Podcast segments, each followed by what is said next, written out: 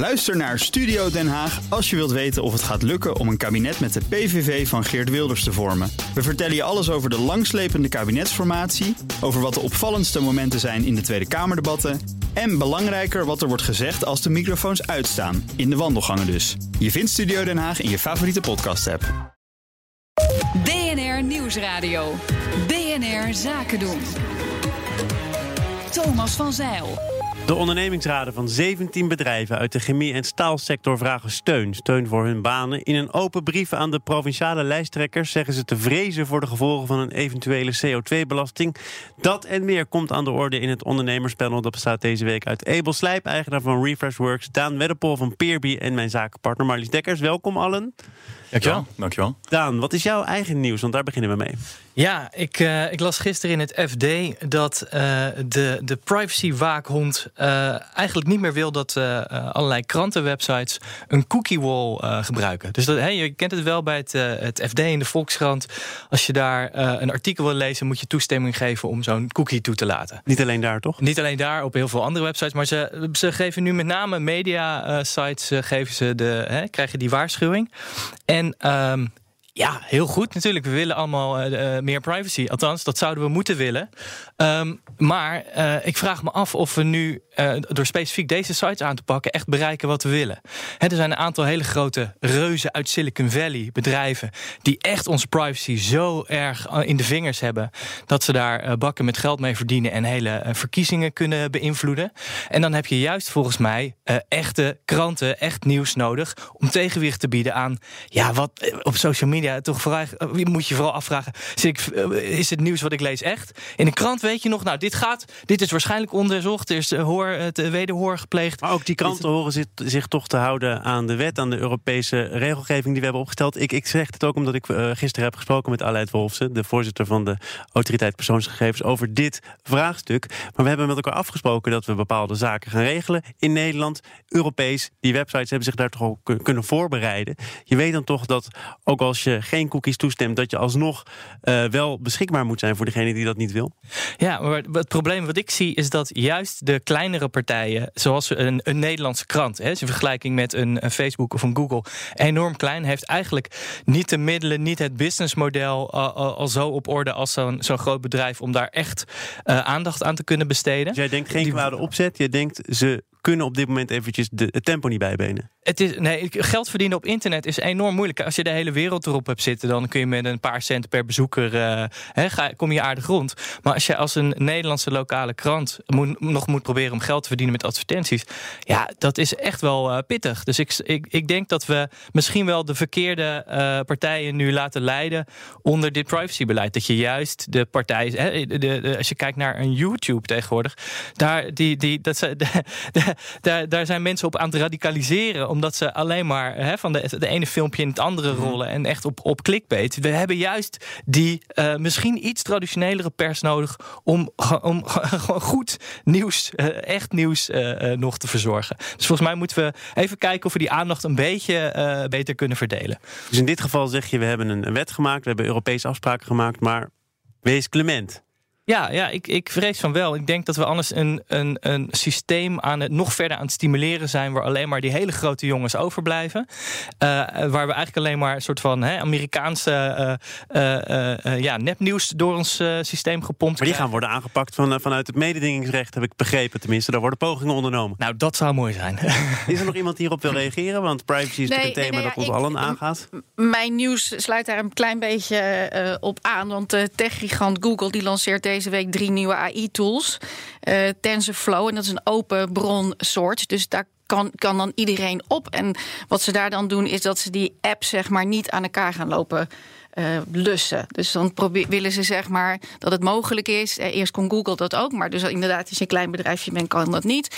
En nu, omdat ze dat dan openbaar maken, kan iedereen daarin werken. En dan kan je het zeg maar apart die data laten staan waar het stond. Ja.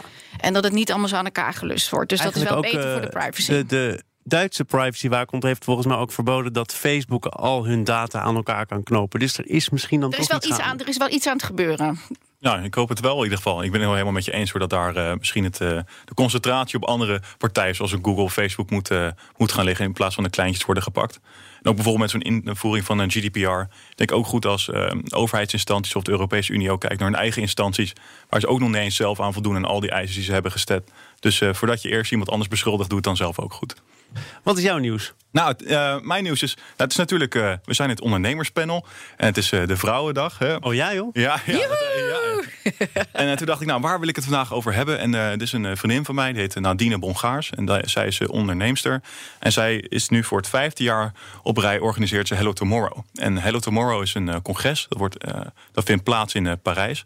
En dat is echt een waanzinnig gebeuren. Over de hele wereld komen de beste wetenschappers, professoren, maar ook CEO's van grote bedrijven zoals Boeing of uh, uh, Hyperloop Transportation Technologies. En die komen samen om te praten over de technologie van de, van de toekomst. Nou, wat is nou is dat, dat volgende week is dit uh, congres hier er uh, weer in uh, Parijs. En dat is volgende week donderdag en vrijdag. En er zijn nog kaarten, dus ik wil dit Aha, ook even gebruiken. Dit is het. Om een beetje een reclame te maken voor haar. Want dat, ja, dat, ik denk dat ze dat goed verdient. Maar het is echt absoluut, absoluut waanzinnig. En ze heeft al sprekers bij elkaar kunnen krijgen. Vijf jaar geleden begonnen. Nu nog gasten?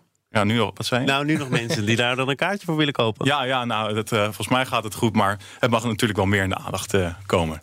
Is volgens mij gelukt. En, en uh, jij brengt dat ook in verband met de Internationale Vrouwendag, omdat het een vrouwelijke ondernemer is. Ja, absoluut. Ja. En dacht, ach, ik combineer eens wat zaken. Ja, ja. Heel goed. Uh, we gaan praten over een open brief vanuit de ondernemingsraden van bedrijven uit de chemie- en staalsector aan de provinciale lijsttrekkers.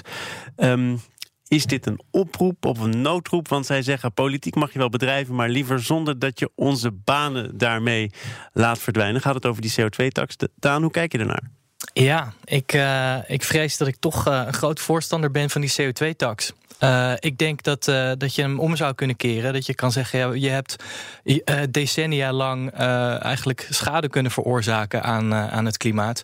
Ja, daar moet je nu een beetje voor gaan terugbetalen. Want ik durf je te voorspellen dat die klimaattax nog niet eens de echte kosten zijn van, hè, van, wat, van, van wat wij in de toekomst allemaal aan geld moeten gaan ophoesten om, die, om, om, om, de, om te repareren wat er allemaal stuk is.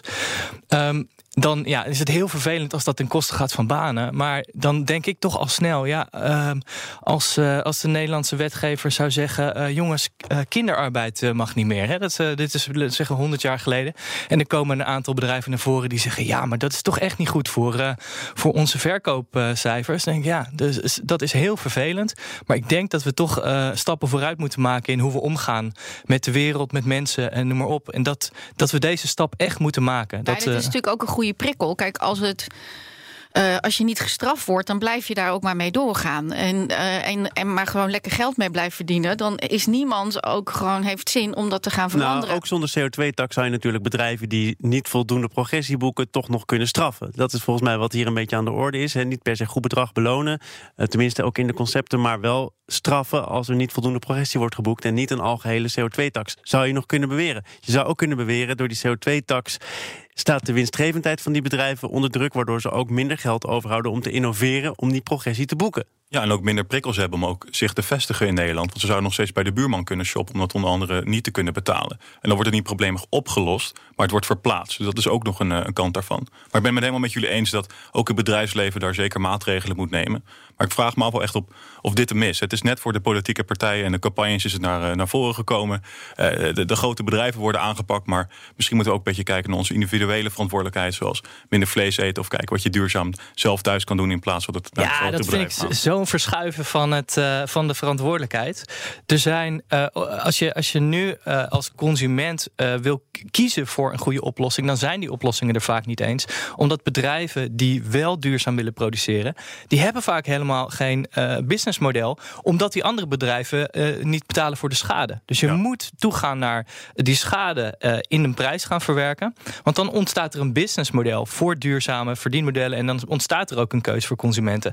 Nu is er vaak is die keuze er helemaal niet. Het, het, want, want die bedrijven die redden het niet. Bedrijven die dat extra geld besteden aan die innovatie en aan die dingen. Dus we moeten, het, we moeten eigenlijk een level playing field creëren, volgens mij, voor duurzaam en niet duurzaam. En op dit moment krijgt niet duurzaam een enorme discount. En wel duurzaam, die zit met kosten. Dus er zijn toch ook uh, redelijk veel subsidies die uitgaan naar duurzaam ondernemen of naar duurzame initiatieven die opgestart worden. Het is toch niet helemaal zo dat we dat aan zijn lot overlaten dan? Ja, eh, er zal best hier en daar een subsidietje zijn, maar het is echt niet makkelijk om als ondernemer een business, een duurzaam businessmodel, en dan bedoel ik in dit geval duurzaam op het voortbestaan van je onderneming, een duurzaam businessmodel te creëren uh, wat, uh, ja, wat door kan gaan op de lange termijn. Maar ik denk dat sowieso zitten we in een soort transitie, in een turnaround, zeg maar op gebied van denken over een businessmodel. En dat, dat is. Weet je, het is ooit begonnen met dat we zeiden cradle to cradle denken. Van op het moment dat je het bedenkt en hoe gaat het dan uiteindelijk in de keten er doorheen. En dat, daar hebben we het ook al 20, 30 jaar over. Maar ondertussen denken we niet cradle to cradle. En hoe meer de dreiging er is van ja, maar we worden direct voor gestraft, letterlijk financieel, in plaats van dat we uiteindelijk al plastic door middel wat we vis eten naar binnen zitten te werken, denk ik toch dat de urgentie steeds uh, uh, opgevoerd wordt. Bij wie? Bij bedrijven, bij de Ja, nee, overheid, bij- bij, jou? Want we hadden het hier bij- over het ik- verschuiven van verantwoordelijkheden. Ik denk dat het in ieder geval al is dat het van onder naar boven gaat. Hè. Dus de consument die begint steeds meer daar gewoon een slecht gevoel over te krijgen. Dus het draagvlak wordt Maar steeds stap nog groter. steeds het vliegtuig in. Hebben we ook deze week Ja, mogen jij niet bijvoorbeeld, hè? Dus jij opmerken. bent daar heel ik niet. goed in. Dank u wel. Ja. Mag wel eens even de Ja, eten halen. precies. Ja, dat mag wel eens even gezegd worden. Als iemand waarde norm ben jij het. Ehm, nee, maar het moet altijd van onderaf aan eh, beginnen dat het draagvlak komt. En de millenniums zijn hier heel gevoelig voor. Dus er komt een, een hele groep consumenten aan die hier echt wil dat, we- dat we er met z'n allen wat aan doen. CEO's kunnen er echt niet meer omheen om gewoon met een eh, eh, stalen gezicht te zeggen van, nou weet je wel, interesseert mij dat nou? Maar CEO's hebben wel te maken met, zeggen die ondernemingsraden, in totaal 50.000 banen die hierdoor op de tocht komen te staan. Ja, het zijn er echt, eh, echt heel veel. Maar als ik deze zo, als- ik heb die brief ook gelezen en wat ik dan ook een beetje mis is, denk ik dat er hiervoor een dialoog is geweest tussen al die bedrijven, want die kunnen zich nu wel vertegenwoordigen. Had het ook daarvoor dan gedaan en dan in dialoog met de overheid hoe je samen naar een duurzame oplossing kan komen. Want ik denk dat uiteindelijk iedereen dat wil. Nou, ik denk dat er wel heel veel mensen ondertussen aan die klimaattafels hebben Dat gezeten. denk ik toch? ook. Nou, ik vraag me het af als we dit opeens zo uit de hoge hoed komt vallen. Nou, Ehm, volgens mij is zo er heel veel gepraat. Wat zei je? Ik heb het idee dat er heel veel gepraat is voor, eh, vooraf. Nou, ik denk dat dat wel eh, eh, meevalt. En dat, eh, onder andere omdat het dan... kijk, als je die, eh, die, die, die, tax wordt, wordt ingevoerd... zoveel banen wordt weggehaald... want dat, ik neem aan dat daar de overheid ook denkt van... nou, dat is misschien ook niet de goede manier om dat in te voeren. En toch proberen ze het hard te maken. Dus ik mis daar het argument nog heel erg. Ik denk dat die 50.000 mensen dat die allemaal eh, eh, perfect gekwalificeerd zijn om hele mooie, duurzame beroepen te gaan vervullen. En dat we moeten gaan kijken hoe we, hoe we hen eh, die overstap kunnen laten maken. En dat we niet moeten, eh, ja, moeten vasthouden aan dingen kapot maken. Nee, eens, ja. ter ere van, van, een, van, die, van die banen. We moeten echt we moeten nieuwe dingen creëren, nieuwe banen. Het ondernemerspanel is hier te gast en dat bestaat uit Daan Wedderpol van Peerby, mijn zakenpartner Marlies Dekkers en Abel Slijp, eigenaar van Refresh Works. En ehm, we gaan het hebben. Wil, wil jij nog eh, de microfoon voor iets anders gebruiken, Daan? Nee, nee, nee hoor. Oké, we gaan het hebben over eh, een Britse durfinvesteerder. Die heeft dus een kleine 3000 Europese AI-startups, kunstmatige intelligentie-startups, nader bekeken. En wat blijkt, voor 40% daarvan is kunstmatige intelligentie geen belangrijk onderdeel van het product waaraan gewerkt wordt. Is dit in optima forma profiteren van de hype, Daan? Ja, ik denk het wel. Ik, maar dat doen, dat doen start-ups altijd volgens mij. Hè. Dit is, eh, nu is het AI en eh, een paar jaar terug was het eh, de ICO. Daarvoor was het de sharing economy. Ehm, ja, Daar ben jij dus- toch van? ja, daar ben ik van. wij, wij zijn toevallig echt sharing economy. Oh ja, joh? Ja, dat is, eh, dat is dan wel weer grappig. Maar ehm, ja, er zijn ook altijd een hele berg bedrijven die zo'n beetje mee proberen te liften. En ik zal je eerlijk zeggen, ik heb ook, denk een jaar geleden ongeveer, dacht ik, eh, ik ga ook een ICO doen. Dat eh, gaat als een speer. Hè? Dat waren die crypto eh, Ja. beursgangen, noem, maar. Noem, het- noem het maar. En toen ben ik me daar eens echt goed in gaan verdiepen. En toen dacht ik, ja, dit past helemaal niet bij ons. Ehm, en ik denk dat er toch ook mensen zijn die misschien daar, nou ja, die daar iets opportunistischer naar kijken en, en die dat wel gaan doen. Want ik heb hele succesvolle ICO's gezien van bedrijven die echt nog veel verder bij die crypto vandaan stonden dan wij. Ja, tijdens de hype eh, kan het allemaal. Ja, En, ik eh, denk ook dat investeerders vinden het gewoon eh, ja, toch een beetje geilerig klinken. Ja. Maar snappen eigenlijk niet waar het over gaat. Ik denk ook zeker de definitie van AI vaak eh, verkeerd wordt gedaan. Het is in principe gewoon een systeem zichzelf kan optimaliseren. En menselijke emoties zou moeten kunnen tonen. En daarvoor heb je hem eerst dat je basisregels moet geven. Wat dan ook die menselijke emoties zijn. En dat is heel lastig. Er was helaas een. Is een er gewoon een algoritme? Sorry? Het is toch gewoon een algoritme? Is een, ja, het is een algoritme die Ah, zichzelf... laten we nog wat termen gebruiken. Deep learning, machine learning. Maar wat is dat dan Nee, een maar Ik kan, een voorbeeld geven van een. AI-programma wat wel leuk was. Dat had ik vorig jaar gelezen. Waar ze, hoe ver nu AI is. Dat, eh, dat als je bijvoorbeeld een robot hebt in een, eh, in een gezin... en die moet zorgen voor de kinderen, want de ouders zijn weg. En eh, hij detecteert dat de kinderen honger hebben. Dus hij kijkt de kastjes in in de koelkast en er is geen eten meer. Maar wat ziet de robot? Die ziet de kat voorbij lopen. En die ziet geen kat of eh, emoties, maar die ziet dus voedingswaardes. En die vermoordt de kat en die bakt hem op en voedt hem aan de kinderen. Dat is AI. Dat is heel logisch. het is heel rationeel. maar ik, mm, mag ik toch even... Ik, hier zijn we nog niet goed in met eh, AI, weet je wel. Ik bedoel, daar, daar eh, mislukt hij gewoon nog compleet... als we denken dat die ons na kunnen doen. Ik bedoel, iedereen in Silicon Valley zegt... Far away, far away. Maar gewoon algoritmes implementeren die slim kunnen nadenken en veel slimmer dan wij. Ja, dat is grote schaal. eh, worden we ermee omringd. Ja, maar dan, dan is, is dat dat AI. Misschien is het wel machine learning of een andere soort van busterm die we hier kunnen, kunnen noemen. Maar echt Ja, maar als we denken van die een mens nadoet, daar hebben we het toch niet over? Ik kan je het verschil niet uitleggen, moet ik je eerlijk zeggen hoor, tussen AI en machine learning. Het enige, het enige wat ik eh, steeds beter begin te begrijpen is dat al die algoritmes een veel grotere invloed hebben op ons leven nu al dan we denken. Bij eh, eh, geselecteerd worden voor een sollicitatie, bij wat we voorgeschoteld krijgen op, eh, op social media. Nou ja, ik vind bijvoorbeeld met Spotify hartstikke handig. Weet je, Ja, die, die selecteert voor mij hele mooie muziek. En daar ben ik heel erg blij mee. Maar wat jij zegt, eh, Marlies, is misschien waar. Hè? Zo- Zodra er AI in je bedrijfsnaam zit of in je product, dan raken die investeerders opgewonden. Maar Ja. dat zou toch niet zo mogen zijn? Maar het of zit er het is wel echt zoveel zo. geld in de kast dat ze denken, ja, het moet ergens naartoe. Dit schijnt iets met AI te maken te hebben. Ja, Laten Dat is er toch een beetje bij stappen. Kees de Kort. Weet je, het geld klotst tegen de wanden nog steeds toch wel aan. Omdat het rente 0% staat. Mensen, eh, equityfondsen willen investeren. En op het moment dat ze, AI dat ze dit soort termen Maar er hoort horen... toch ook wel onderzoek bij. Je investeert toch ook met het geld Ja. van anderen? Ja, maar ze weten toch gewoon vaak niet. Kijk, hier komen we er ook al niet helemaal goed uit. Ze weten gewoon vaak niet waar het echt over gaat. En dat eh, ze kunnen ook niet. Dus het zijn toch vaak 40 plus. Witte mannen. Ze kunnen niet heel goed doordrillen, zeg maar, tot de materie. Omdat ze het niet helemaal goed het spelletje snappen. Eh, ja, Daan, heb jij geprofiteerd van het feit, hè, bedoel, je had gewoon een goed idee en het is een serieus bedrijf geworden, maar heb jij geprofiteerd van het feit dat je in die hype zat? Ja, absoluut. absoluut. En ehm, ik denk dat daar niks mis mee is als het klopt. Als, het, als je echt. Hè, wij, zijn, wij zijn echt sharing economy. Je kan er geen, je kan er geen spel tussen steken. En ja, dat wordt dan groot. En dan, ja, dan probeer je natuurlijk op zo'n surf, eh, op zo'n golf te surfen. Ehm, ik, kan het, ik kan het de ondernemer niet eh, kwalijk nemen. Ik, ja, dat een investeerder daarin trapt, vind ik ook wel, vind ik al- ook wel een beetje jammer. Want dat is natuurlijk wel een beetje. eh, dat, dat veroorzaakt ook dat er dan weer mensen eh, daar, hè, eigenlijk een beetje onzin gaan verkondigen. Dus ze zitten elkaar allemaal lekker een beetje op te stoken. Zo. Ja, maar ja, kijk, ja. luister eens. Ik, ik werk eh, met. Ik heb een aantal eh, AI's in mijn eh, bedrijf. Ehm, eh, via Salesforce. Ik noem gewoon maar heel even die naam. Die verkopen die. En ze weten eigenlijk zelf helemaal niet die, hoe ze die dingen aan de praat moeten krijgen. Weet je wel? Dus dan is het zo. En jij neemt ze weer af dan ook En ik neem ze dan Nou, af. En ik denk dat het een soort eh, Apple is die ik zo aan kan zetten. En dat het dus inderdaad een, gewoon een heel slimme, leuke manier. eh, alleen digitaal dat voor mij gaat lopen doen. En dat is natuurlijk niet zo. Eh, dus ik doe zelf zo'n groot bedrijf als Salesforce. Weet je, en als ik het aan hun zelf vraag, ze hebben succesmanagers. Hoe geweldig klinkt zo'n naam. En ze weten zelf eigenlijk helemaal niet wat ze aan het verkopen zijn. En die, dat is een biljardenbedrijf. Dus kom op, die, die start-ups die krijgen van mij toch een beetje de gunning. Ik eh, wil afronden met een brief van staatssecretaris Snel over schijnzelfstandigheid. Eh, Onder Tweede Kamerleden is die ingeslagen als een bom. Want ruim de helft van door de Belastingdienst bezochte bedrijven bleek de regels rond het inhuren van ZZP'ers te schenden. Nou zijn er ook wel regels opgesteld, maar wordt de wet vervolgens niet gehandhaafd. Is dit dan toch niet een beetje selectieve verontwaardiging dan? Ja, nou, ik eh, was, dat was toevallig ook hier in de studio toen eh, deze wet werd ingevoerd. En ehm, dan, eh, als ik aan mezelf terugdenk, dan dacht ik, oh, dan was ik vast heel kritisch op. En toen dacht ik nog eens goed. dacht ik, nee. Toen heb ik geroepen, yes, wat gaaf, de overheid probeert iets. Want er was heel veel kritiek, want het was allemaal nog niet uitgekristalliseerd en niet goed onderzocht en noem maar op. En hè, dus ik zei, wat fijn dat er gewoon getest wordt en dat we gewoon gaan kijken of het werkt.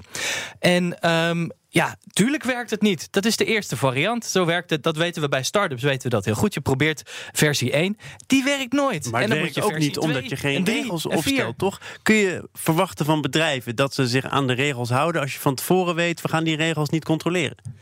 Ja, eh, ik, weet, ik heb, geen flauw idee waarom het niet werkt. Ik, maar ik denk eerlijk gezegd dat het simpeler is. Ik denk gewoon, dit is versie 1. En je moet niet die versie 1 dan jaren laten lopen... en dan na een tijdje gaan kijken, werkt het? Nee, je gaat in de eerste maand meteen de impact meten... en gaat hem aanpassen en verbeteren. en nou, dan kom je tot iets wat nou, werkt. Zeker weten. Nu, de verontwaardiging vind ik ook een gek woord... wat ze dan gebruiken, toch? Het is wel, op zich best wel logisch dan... dat ze controleren dat er een paar niet door de, door de test heen komen. En nu is het inderdaad leren en kijken hoe we dat kunnen verbeteren... voor de volgende maar versie 1, ja, ik weet niet of ik het daar helemaal mee eens kan zijn. Want er wordt toch al heel lang nagedacht over ZZP'ers, de positie van ZZP'ers. We hebben de ene wet gehad, nu komt de andere, die blijkt er niet te werken. Er is nu een commissie aan de gang om te kijken hoe we nou precies de positie van de ZZP'er moeten inschatten.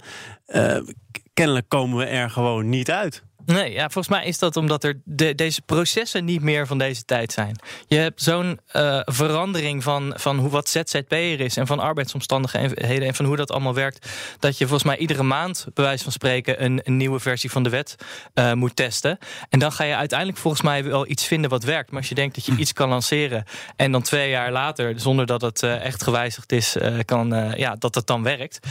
Ik denk het niet. Ik vind het trouwens wel, het is best goed doordacht hoor. 50% conversie is uh, op online helemaal niet zo ja, slecht. 50% doet het wel goed. Ja, ja. Nou, dan ga je nog even mm. door optimaliseren en dan kom je misschien wel op uh, 80. En, dan, dan en van die 50% die het niet goed doet, moet je ook nog bepalen: doen die het niet goed omdat ze het niet goed willen doen? Of doen ze het niet goed omdat ze niet goed weten waar ze aan moeten voldoen? Ja. Want nu is de regel dat als je echt kunt bewijzen dat het met kwade opzet is, dat de Belastingdienst dan alsnog wel uh, belasting kan innen. Zo niet, dan niet. Maar de PvdA zegt nu 50% doet het niet goed. Ja, we kunnen nauwelijks vaststellen of daar kwade opzet in het spel is of niet. In nou maar gewoon die belastingmarlies. Maar het is wel anders gelopen. Sorry. Maar... Nee, nou ja, ik bedoel, de, belasting heeft sowieso zelf ook een probleem. Maar die, die, die loopt gewoon zo achter de feiten aan. En heel de Belastingdienst is wel in Nederland uh, um, ja, heel erg op vertrouwen dat wij het allemaal netjes doen. Omdat we het ook vaak netjes doen. Als je onze belastingmoraal vergelijkt met het buitenland. Maar, dat bedoel ik. Dus als wij het een keer iets minder goed doen, dus hier dan zo 50 procent. iets minder goed doen.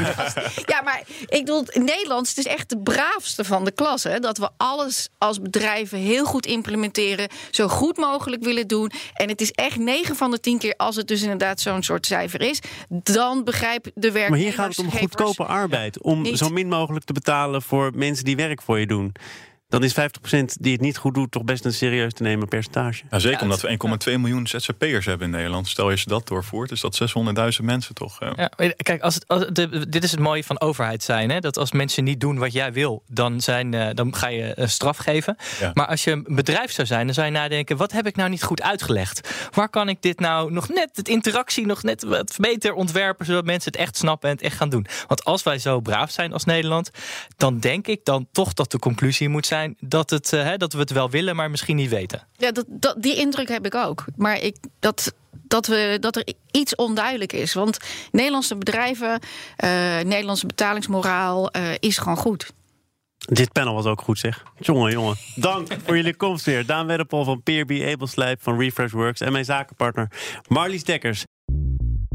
Bij BNR ben je altijd als eerste op de hoogte van het laatste nieuws. Luister dagelijks live via internet. Bas van Werven. En heel langzaam komt de zon op rond dit tijdstip. Je krijgt inzicht in de dag die komt op BNR, het Binnenhof in Nederland en de rest van de wereld. De Ochtendspits. Voor de beste start van je werkdag. Blijf scherp en mis niets.